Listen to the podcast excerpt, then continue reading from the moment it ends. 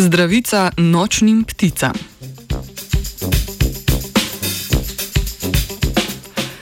Dobro jutro, ste se nocoj naspali? Današnji zbritov posvečamo svojim notranjim časomerom. Znanstveni ekipi je namreč uspelo pokazati, kako so dnevne variacije izražanja genov povezane z mehanizmi, ki uravnavajo cirkadijani ritem. Svoja dognanja so objavili v reviji Science Advances.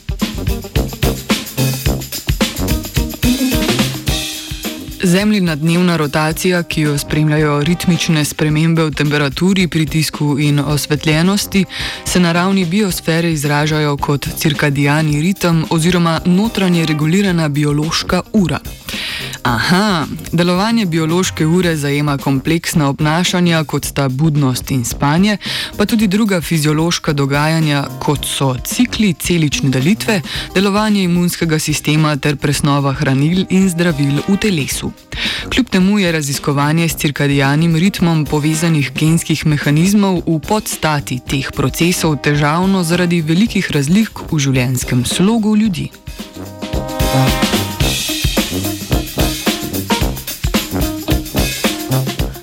Znanstveniki in znanstvenice so za študijo na mesto zapletenega človeškega organizma uporabili vinsko mušico Drosophilija melanogaster.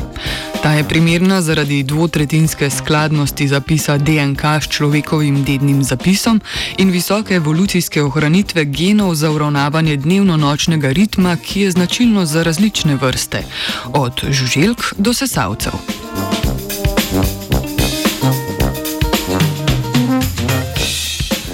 Pri, razis pri raziskovanju so obrali dva pristopa.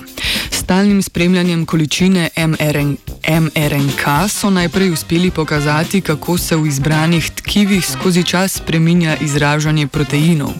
Primerjali so tudi različne modelne linije vinskih mušic in raziskali vpliv majhnih medvrstnih razlik. Iz pridobljenih meritev so na to ustvarili pregledni atlas izražanja vseh mušičjih molekul mRNK.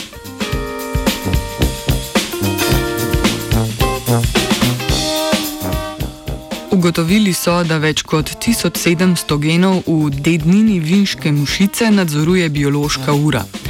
Kar 14 od teh genov se izraža v vseh preučevanih tkivih, prisotni pa so tudi v drugih živalih, denimo miših, pavijanih in ljudeh, kar kaže na njihovo pomembnost pri uravnavanju biološkega ritma. Znotraj celokupne preučevane populacije so odkrili tudi specifične skupine organizmov znotraj iste vrste, pri katerih je tkivno izražanje genov zamaknjeno za več ur. Z medvrstno primerjavo so odkrili, da še kako majhne genske variacije v preučevanih časomernih genih privedajo do pomembnih razlik v odzivanju tkiv na izpostavitev svetlobi.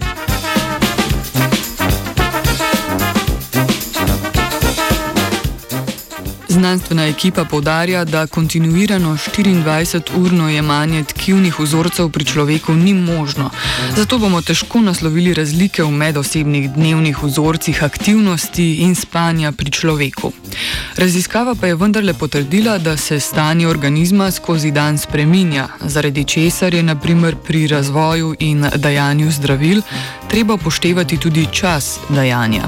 Ta lahko občutno vpliva na delovanje vsega, od kave do zdravil v telesu, delo pa se že opravi zjutraj, po dremanju ali zvečer.